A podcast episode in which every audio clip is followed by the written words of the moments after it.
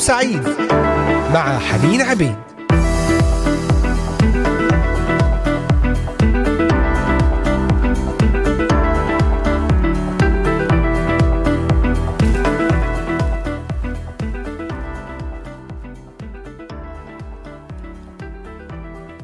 أهلا وسهلا بكم أحبائي مستمعي إذاعة صوت الأمل في هذا اليوم الخميس الثاني من شهر مارس آذار عام 2023 من هنا من إذاعة صوت الأمل من الأراضي المقدسة أجمل وأطيب التحيات معكم حنين عبيد على الهواء مباشرة وحلقة جديدة من برنامج نهاركم سعيد. نهاركم سعيد أحبائي أينما كنتم تستمعون وتنضمون إلينا الآن عبر مختلف بلدان الشرق الأوسط، بلدان أوروبا، كندا، أمريكا، أستراليا. أحييكم تحية المحبة والسلام والفرح والأمل من إذاعة صوت الأمل. تابعونا عبر صفحة الفيسبوك، اكتبوا إلينا بتعليقات، مشاركات، أفكار، طلبات صلاة. أيضا عبر منصتي التليجرام والإنستغرام ل Voice of Hope ومن خلال قناة اليوتيوب استمعوا مباشرة. إذاعة صوت الأمل بث مباشر. وعبر تطبيقات الهواتف النقالة Voice of Hope Middle East. وعبر موقعنا الرسمي voiceofhope.com أيضا استمعوا إلى هذه الحلقة وحلقات أخرى من برنامج نهاركم سعيد وبرامج إذاعة صوت الأمل على منصات البودكاست أنغامي Spotify Deezer Amazon Music Castbox Apple و Google Podcast ومنصة Podvine.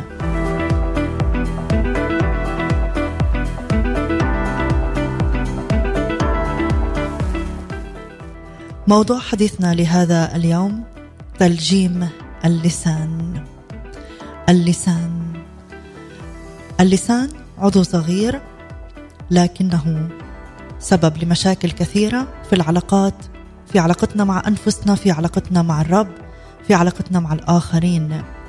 قال الرسول يعقوب في الأصحاح الأول الآية السادسة والعشرين إن كان أحد فيكم يظن أنه دين أي على قدر من التدين وهو ليس يلجم لسانه بل يخدع نفسه فديانة هذا باطلة أي لا فائدة ولا منفعة منها. يا له من إعلان جريء فمهما كانت أعمالنا الصالحة ومهما قيل عنها إنها نتيجة ديانتنا السمحة فكل هذا لا قيمة له إن لم نلجم اللسان. عزيزي المستمع لا أدري ما هو تأثير هذه الكلمات عليك لكن لي شخصيا. تجعلني آخذ هذا الأمر بجدية وتدفعني لأراقب كلماتي ولساني وشفتي. يعرف القاموس كلمة اللجام بأنها عدة الفرس التي تثبت على رأس الحصان وتستخدم لتوجيهه وكبحه وتتكون من العذار والشكيمة واللجام. فإن لم ننجح في تلجيم ألسنتنا أثناء العاصفة فقد لا نختبر الخلاص أبدا. ويستطيع الروح القدس أن يضع لنا اللجام. إن قبلنا قيادته وتوجيهه لنا. آمين. أحبائي قبل أن نكمل دعونا نرفع قلوبنا في الصلاة. دعونا نرفع قلوبنا في الصلاة. إن كان لديك أي طلبة صلاة الآن آمن أن الرب حاضر موجود يلمسك أينما أنت. يلمس احتياجك يلمس ألمك. يلمس ظروفك. أي شخص في عائلتك تصلي من أجله الزوج الزوجة الأولاد رئيس العمل زملاء العمل زملاء الدراسة. آمن أن الرب موجود أينما أنت الآن. هو حاضر هو يصل إليك. الله روح. الله حاضر في كل مكان. إله الأمس واليوم وإلى الأبد. يا رب نصلي بركة على أحبائي المستمعين الآن. نصلي حضور روحك القدوس بينما نستمع لكي لا تكون كلمات عادية. كلمات ليس من إنسان لكن منك يا رب. كلمنا حاصرنا تعامل معنا افتح قلوبنا. عزينا وشجعنا يا رب. المس ألسنتنا. أعطنا أن ننطق بكلمات تمجدك وترفعك. آمين. تعالوا نستمع إلى هذه الترنيمة ونعود ونكمل وإياكم في موضوع حديثنا تلجيم اللسان. تابعونا استمعوا إلى هذه الحلقة. معكم حنين حتى الساعة الثانية ضمن برنامج نهاركم سعيد. راسلونا على الفيسبوك بآية الباطي صلاة وأسئلة واستفسارات. باركوا يا جميع عبيده ونعود ونكمل وإياكم.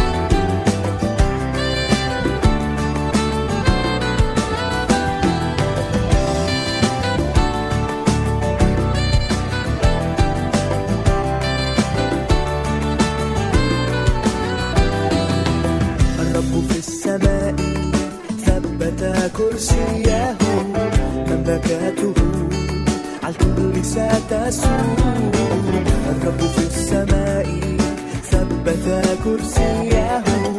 مملكته على الكل ستسوء.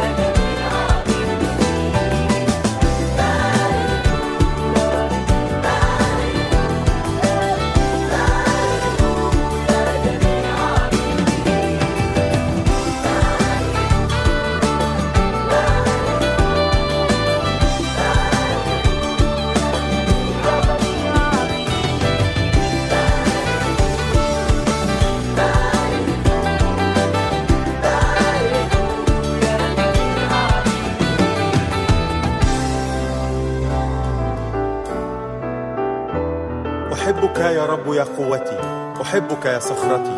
مبارك الرب قوتي صخرة خلاصي ونشيدي مبارك الذي يغفر جميع ذنوبي الذي يشفي كل أمراضي الذي يفدي من الحفرة حياتي ويكللني بالرحمة والرأفة.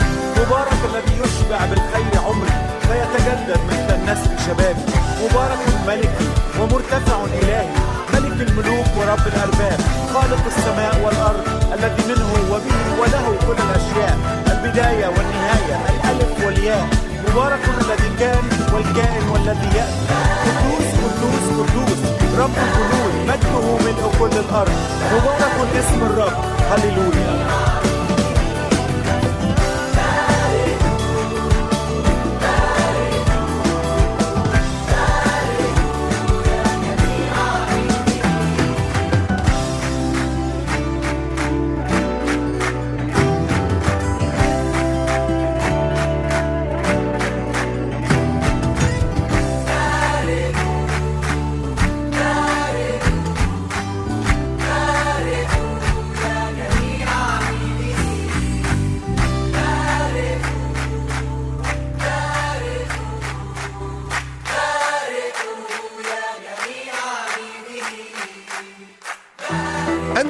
تستمعون الآن لبرنامج نهاركم سعيد مع حنين عبيد.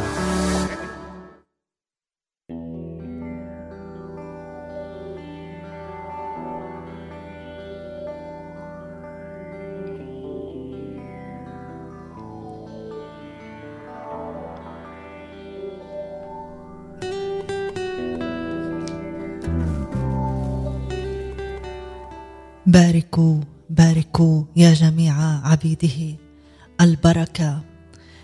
أحبائي قال عن اللسان في رسالة يعقوب الأصحاح الثالث. من الفم الواحد تخرج بركة ولعنة. نحن الآن باركنا الرب مع هذه الترنيمة. باركوا يا جميع عبيده. أفمن الفم الواحد تخرج بركة ولعنة؟ لا يصلح يا إخوتي أن تكون الأمور هكذا. العل ينبوعا ينبع من نفس عين واحدة. العذب والمر اذا علينا أن نتجنب الكلام المخادع أي أن نقول شيئا في الظروف المناسبة وشيء آخر في الظروف الصعبة. علينا أن نعمل بحرص وبجهد حتى لا نكون ينبوعا يخرج منه ماء عذب في أوقات الرحب وماء مر في أوقات الضيق. عاش الرب يسوع كإنسان على الأرض مجربا في كل شيء مثلنا وتعرض لنفس الضغوط التي نتعرض لها. ولكنه لم يتغير. درب لسانه وهذب حديثه أثناء عواصف الحياة. علينا أن نفعل مثل ما فعل هو. يجب أن نضع أمر ضبط اللسان هدفا نسعى إليه لأنه دليل على النضج الروحي كما أنه أحد الطرق التي نمجد الله بها.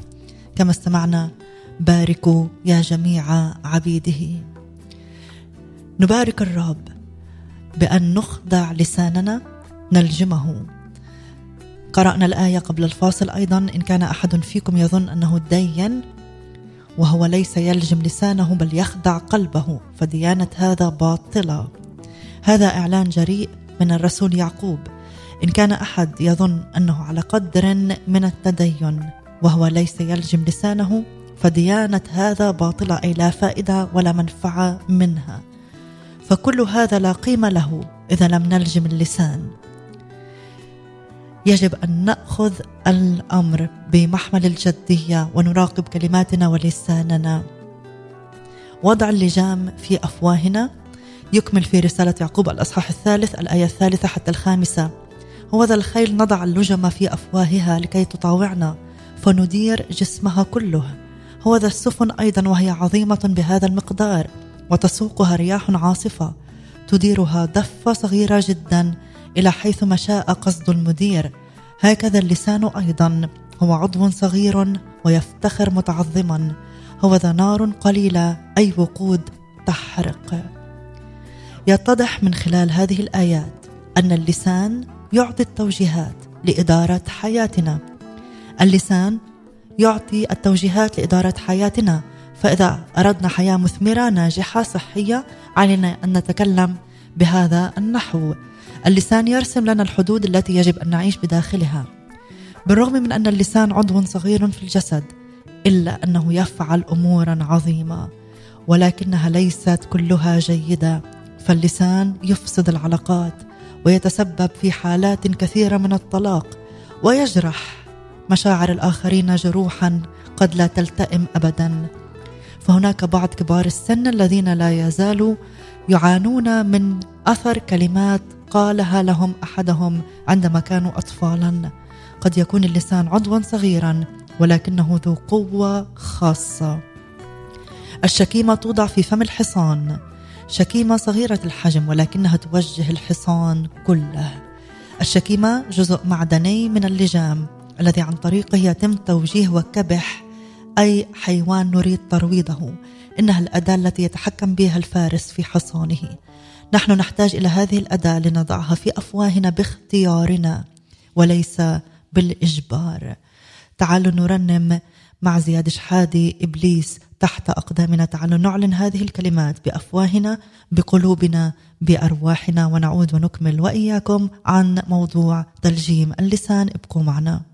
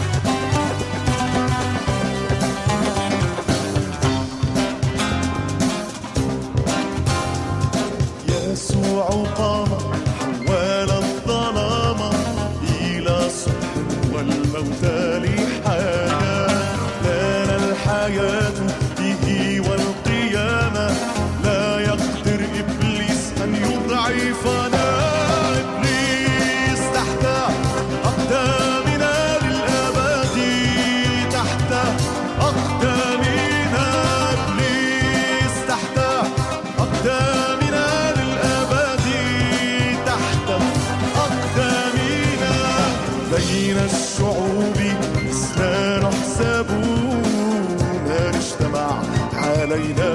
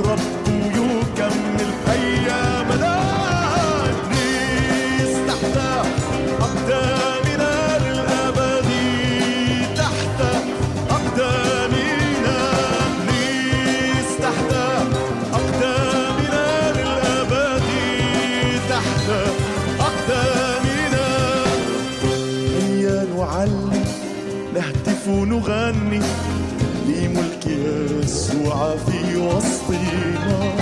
رب الأرباب رفع في المجد سلطانه على الكل. عدنا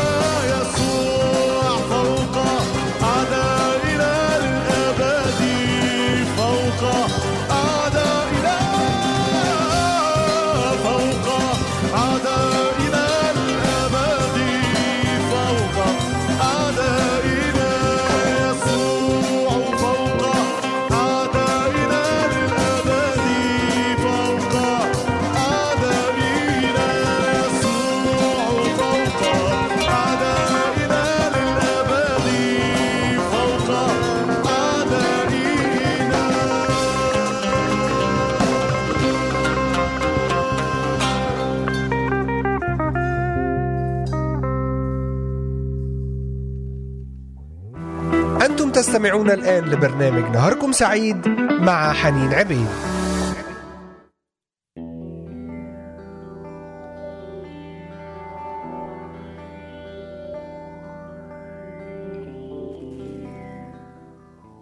يسوع فوق أعدائنا. للأبد فوق أعدائنا. نعم له المجد والبركة. والكرم نحتاج أن نعلن مثل هذه الإعلانات في أفواهنا. نتحدث اليوم عن تلجيم اللسان. اللسان يعطي التوجيهات لإدارة حياتنا بأكملها. يرسم لنا الحدود التي يجب أن نعيش بداخلها. اللسان عضو صغير إلا أنه يفعل امورا عظيمة ولكن ليست كلها جيدة كما ذكرنا قبل الفاصل. الروح القدس يعمل فينا عمل اللجام. فإذا لم يتبع الفرس وجهه الزمام المتحكم في اللجام الموضوع داخل فم الفرس يتعرض لألم شديد. وهكذا الحال معنا في علاقتنا مع الروح القدس. فهو الزمام واللجام في أفواهنا. ويجب أن تكون له السيادة والسلطان على حياتنا. فإن خضعنا له ولتوجيهاته. فمن المؤكد أننا سنصل إلى المكان الصحيح ونبتعد عن كل الأماكن الخطرة. لكن إن لم نخضع له ونتبع تعليماته تمتلئ حياتنا بالألم.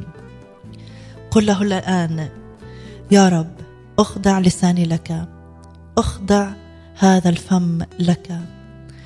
لا أريد أن يتكلم بالسلبية وأمور لا ترضيك ولا تمجدك وتجرح الآخرين استخدمه للبناء للبركة. اللسان له فكر مستقل يقول في رسالة كورنثوس الثانية الأصحاح العاشر هادمين ظنونا أي مجادلات ونظريات وكل علو يرتفع ضد معرفة الله ومستأثرين كل فكر إلى طاعة المسيح. أوقات التجربة يكون فيها اللسان ذات فكر مستقل. في بعض الأحيان نشعر وكأنه مزود بموتور. تم تشغيله حتى قبل أن نعرف ماذا يحدث. من المهم جدا يا أحبائي أن نقدم حسابا عن أفكارنا لأنها المصدر التي تنبع منه كلماتنا. ولهذا يقدم لنا إبليس أفكارا مثل لا أستطيع أن أواصل حياتي بهذه الطريقة أبدا. وسرعان ما نجد أنفسنا نتفوه بأشياء تعبر عن هذه الفكرة. لأن المشكلة تبدأ دائما بالفكر فلا بد أن يبدأ العلاج بالأفكار أيضا. يقول الرسول بولس إننا يجب أن نستأثر ونخضع كل فكر لطاعة المسيح وأن نرفض وننتهر كل فكر خاطئ لا يمجد الله. الذهن هو أرض المعركة ويجب أن يتجدد بالكامل حتى نستطيع أن نختبر خطة الله الصالحة لحياتنا. لا يمكن أن نسيطر على اللسان ما لم نسيطر على الذهن اولا. يا رب نصلي سيطرة على أذهاننا لتمتلئ بحقك بمعرفتك بكلمتك بنورك حتى كل ما يخرج من أفواهنا يكون فكر من فكر مبارك من فكر مليء بالسلام لا فكر التشتيت لا فكر الضعف لا فكر المرض. آمين آمين. حتى تمتلئ أفكارنا بكلمات الرب وبأقوال الرب وبأفكار الرب. يجب أن تبقى أنظارنا على يسوع على كلمته. ثبت أنظارك على يسوع. ثبت أنظارك على كلمة يسوع. فتمتلئ كلماتك تلقائيا من هذا الكلام. مش راح ننزل عينينا مع عبد السيد فاروق وسنيورا فوزي ونعود ونكمل وإياكم.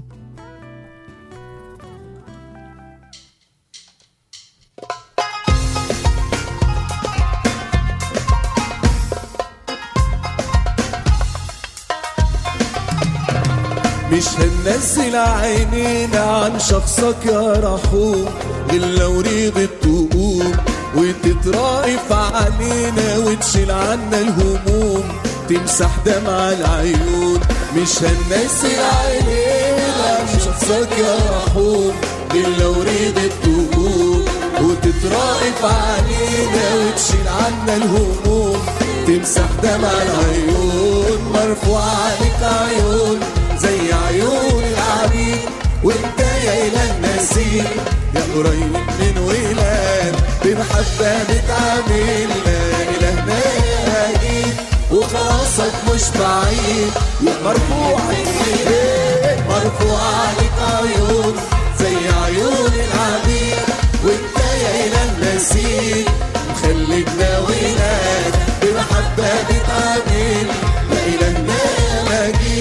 وخلاصك مش بعيد.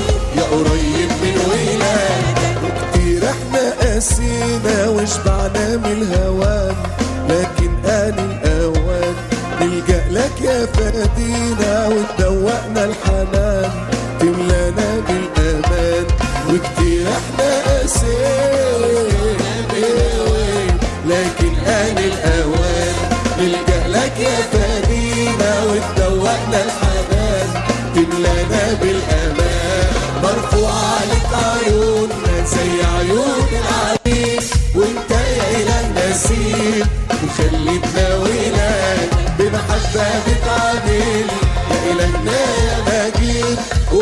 وخلاصك مش بعيد. يا مرفوع عليك ارفع عينك على. مرفوع عليك عيوننا زي عيون العبيد. وانت يا إله النسيم يا قريب منا ولاد بمحبة بتعامل يا إلهنا يا يا قريب من وكتير إحنا قاسينا. وشبعنا من الهوان. لكن آن الأوان نلجأ لك يا فدين وتدوقنا الحنان تملانا بالأمان. حد يرفع إيده معايا ويقول مرفوع عليك عيوننا. يلا كلنا مع بعض. مرفوع عليك عيوننا زي عيون العبيد. وانت يا إله المسيح. وخلتنا ولاد بمحبة بتعملنا يا إلهنا يا مجيد وخلاصك مش بعيد. يا قريب من ولادك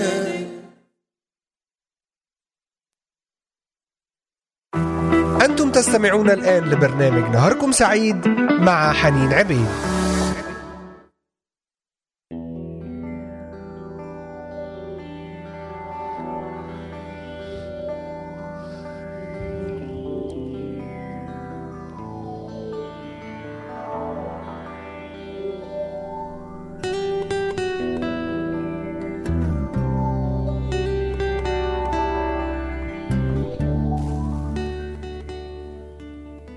مرفوعة ليك عيوننا زي عيون العبيد وانت يا إلهنا سيد وخلتنا ولادك آمين. نشكرك يا رب لأنك جعلتنا أولادا لك بالإيمان في يسوع المسيح. اللسان له فكره المستقل كما تحدثنا قبل الفاصل. في أوقات التجربة يكون للسان فكر مستقل. في بعض الأحيان نشعر وكأنه مزود في قوة ويتم تشغيله حتى قبل أن نعرف ماذا يحدث. أفكارنا هي التي تجعل الكلمات تنبع. إذا فكرنا بطريقة خاطئة فتكلمنا بطريقة خاطئة لذلك العلاج يبدأ بالأفكار. بالأفكار. نتحدث عن السيطرة عن الذهن. ولا يمكن أن نسيطر على اللسان ما لم نسيطر على الذهن اولا.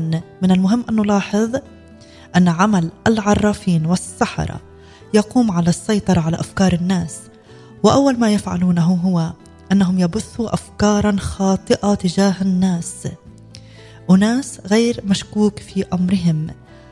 إبليس يسعى للسيطرة على أذهاننا أحبائي. في نفس الوقت يشتاق الروح القدس أن يسيطر على أذهاننا ولكنه لن يفعل هذا رغما عنا. الروح القدس الرب يسوع لا يجبرك لا يقحمك على عمل شيء. هو قال له كل المجد إن فتح أحد الباب. أنت مسؤول عن فتح الباب أنت مسؤول عن قبول العمل أنت مسؤول عن قبول الخلاص. عندما نفعل هو يقودنا للاتجاه الصحيح عن طريق تبكيتنا عندما نفكر في أفكار خاطئة. وعندئذ نختار أن نرفض كل فكر خاطئ ونفكر في كل ما هو مثمر. هذا ما يعلمنا إياه الكتاب المقدس في رسالة فيلبي الأصحاح الرابع. أخيرا أيها الإخوة كل ما هو حق كل ما هو جليل كل ما هو عادل كل ما هو طاهر كل ما هو مسر كل ما هو صيته حسن. إن كانت فضيلة وإن كان مدح ففي هذه افتكروا. وأيضا كاتب المزمور التاسع عشر يقول لتكن أقوال فمي وفكر قلبي مرضية أمامك يا رب صخرتي وولي نلاحظ أنه ذكر الفم والفكر لأنهما مرتبطان. هناك كثيرون يحاولون أن يسيطروا على أفواههم ولكنهم لا يفعلون شيئا حيال أفكارهم. وهذا يشبه نزع قمة الحشائش الضارة دون نزع جذورها. فتكون النتيجة أن تنمو الحشائش الضارة مرة أخرى. قل له يا رب تعالى تعامل مع الظروف مع الظروف التي في قلبي في داخلي مع الأفكار مع الجذور التي في داخلي حتى أنطق بكلام مبارك كلام يمجدك. ابدا مش حيكون الغد استمرار لمبارح مع صموئيل فاروق ونعود ونكمل وإياكم.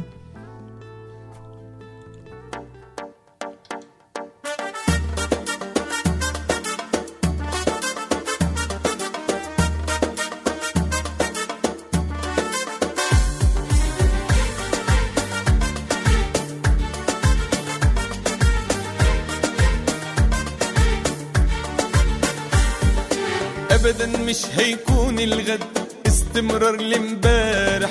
أنا بستقبل زمن المجد زمن الذل ده رايح ابدا مش هيكون الغد استمرار لامبارح. أنا بستقبل زمن المجد زمن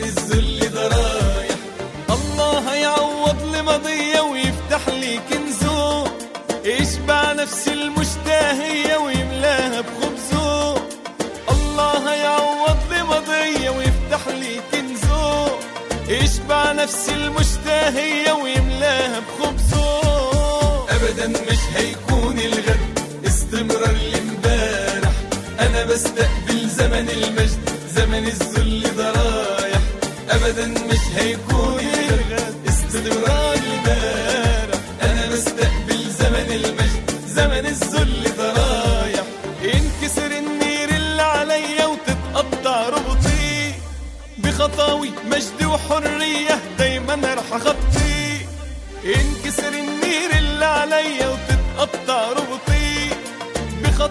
مجد وحرية.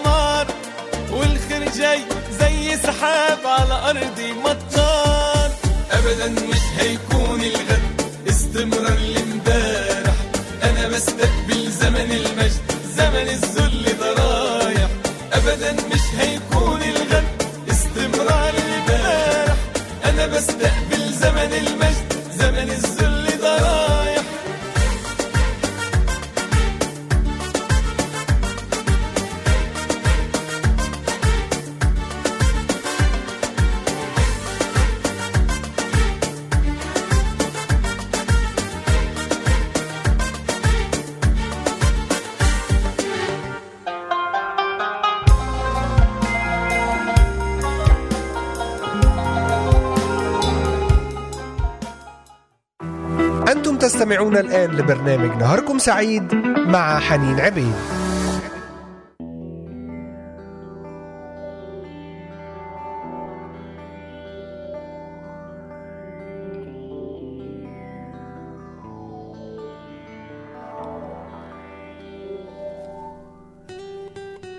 نعم عدنا إليكم أحبائي المستمعين في هذا القسم الأخير. ضمن برنامج نهاركم سعيد لهذا اليوم. نتكلم به عن لجم اللسان. لجم اللسان. كما ذكرنا قبل الفاصل الآية من رسالة فيلبي الأصحاح الرابع.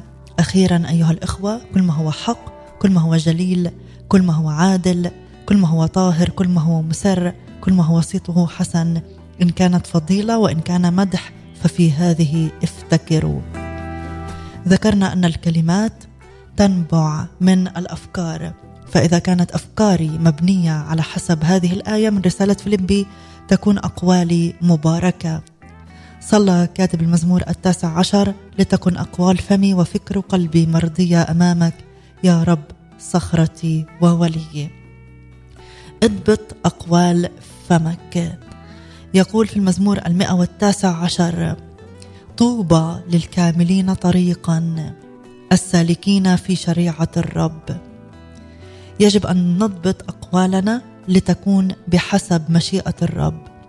فعندما تمر بتجربة معينة حاول ألا تنظر فقط إلى الحال التي صرت عليها الآن وعلى ما يحدث لك ولكن انظر لذاتك وللظروف التي تمر بها بعين الإيمان.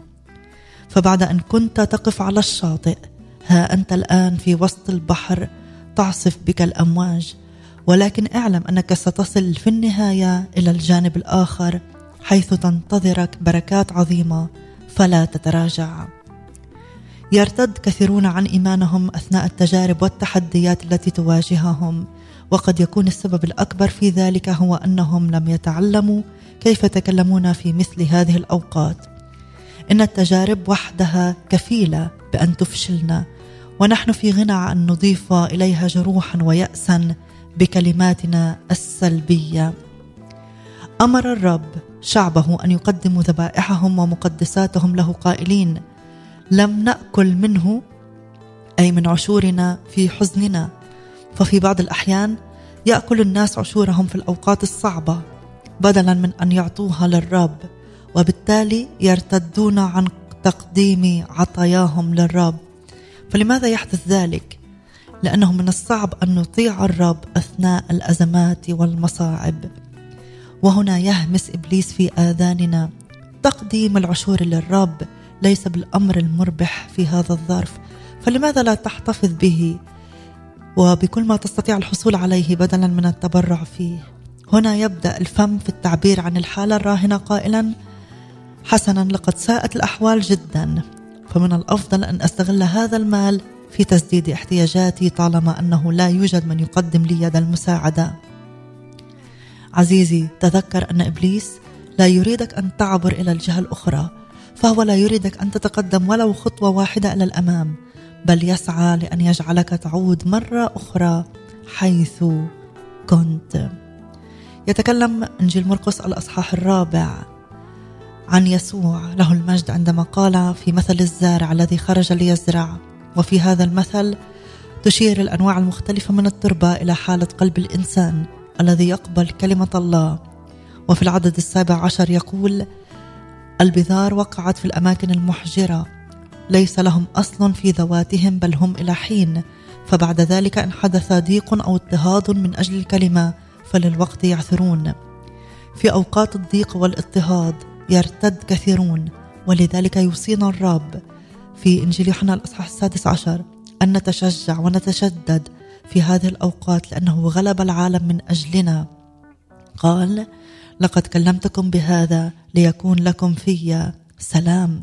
قد كلمتكم بهذا ليكون لكم في سلام.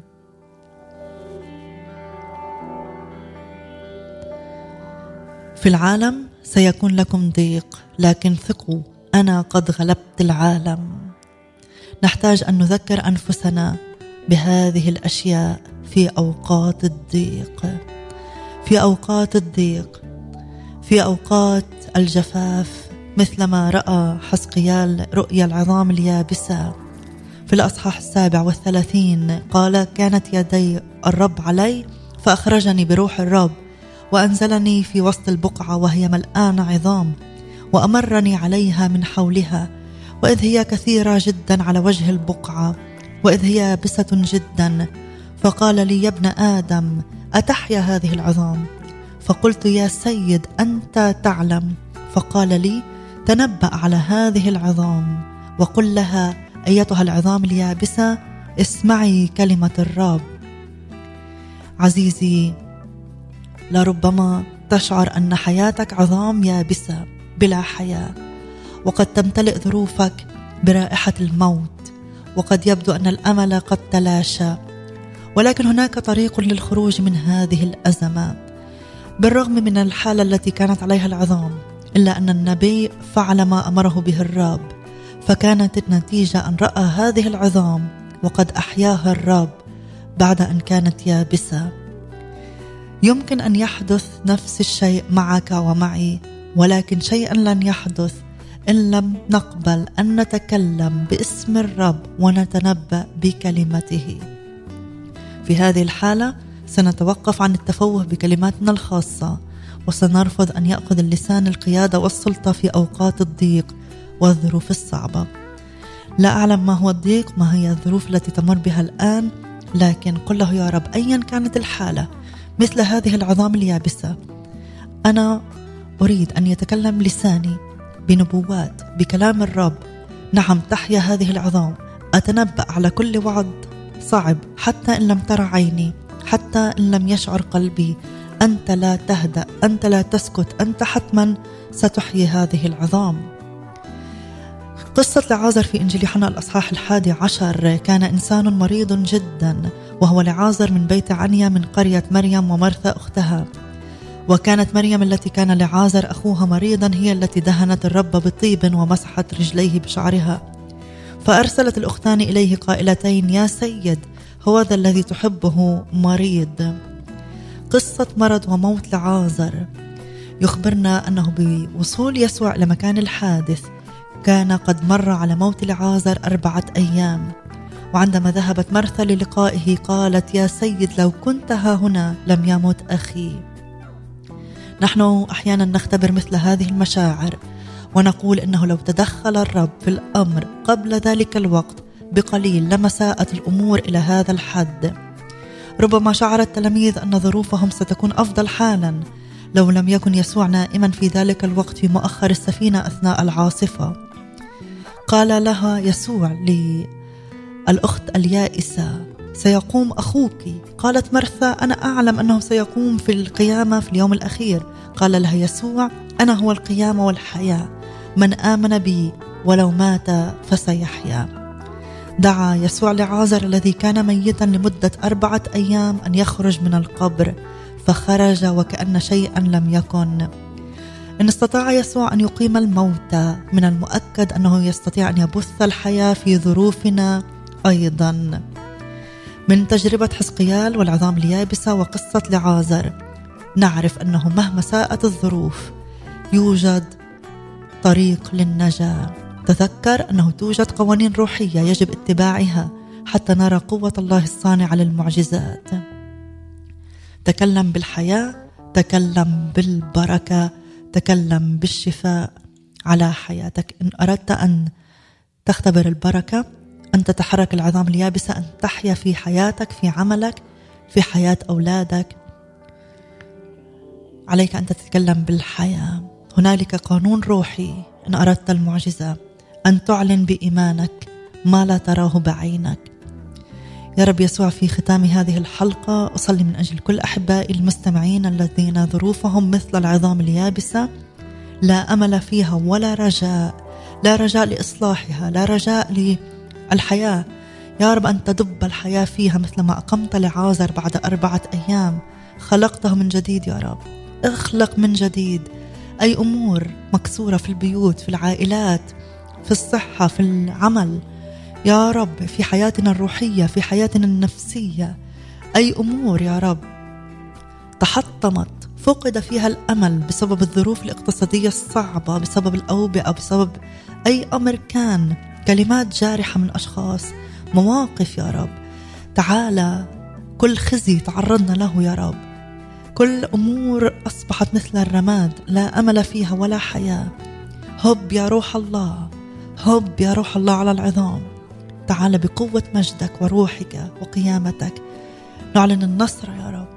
نبارك أحبائي من استمعوا إلينا أيضا من تعذر عليهم الاستماع لأي سبب. شفاء ولمسة وقوة يا رب. في ايا كانت الظروف. لك المجد والبركة. آمين آمين آمين. أحبائي أشكركم على حسن المتابعة والإصغاء. نختتم الحلقة مع ترنيمة قلبي ولحمي يهتفان ونلتقي بنعمة الرب الاثنين المقبل في حلقة جديدة من برنامج نهاركم سعيد. الرب معكم نعمة الرب تسندكم.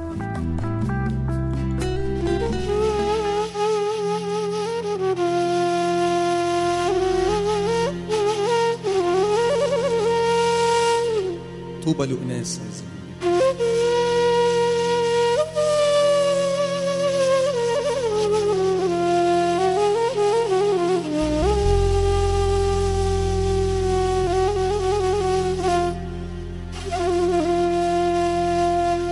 قلبي ولحمي هما اهتفان للرب الإله الحي.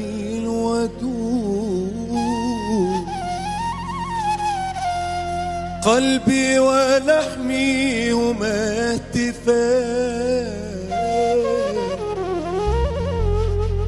للرب الإله الحي الودود طوبى لمن يسكنون هناك يسبحونك أيضا. بالسجود طوبى لمن يسكنون هناك يسبحونك أيضا بالسجود.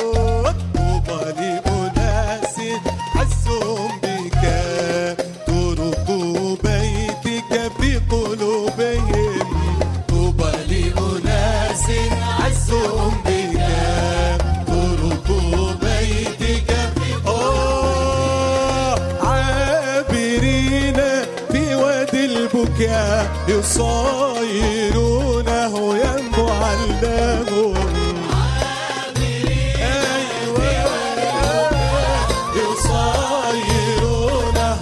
هللويا ما أحلى مساكنك يا ربنا قوي أنت يا رب الجنود.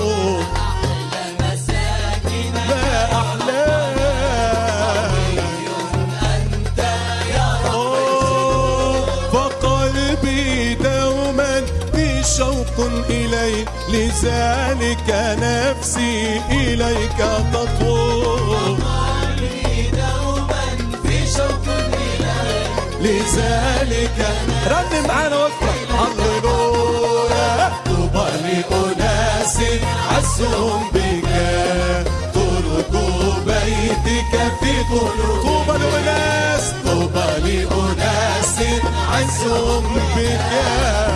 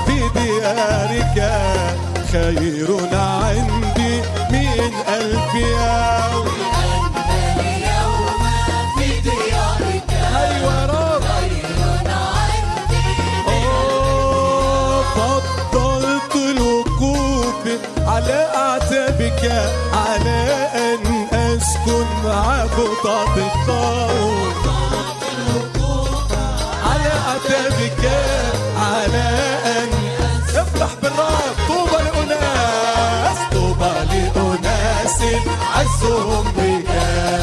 طرق بيتك في قلوبهم. طوبى لأناس عزهم بك. طرق بيتك. عابرين في وادي البكاء يصايرونه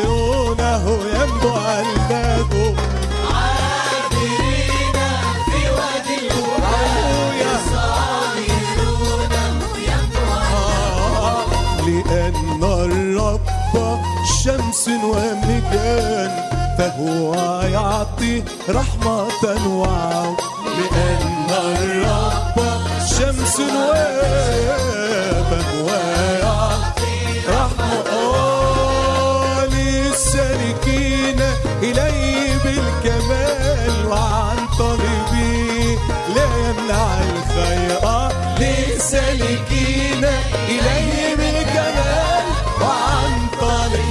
هللويا عزم الرب طوبى للناس أيوة طوبى لأناس عزهم يعز بيك طرق بيتك في قلوبهم طوبى لأناس عزهم بك يا طرق بيتك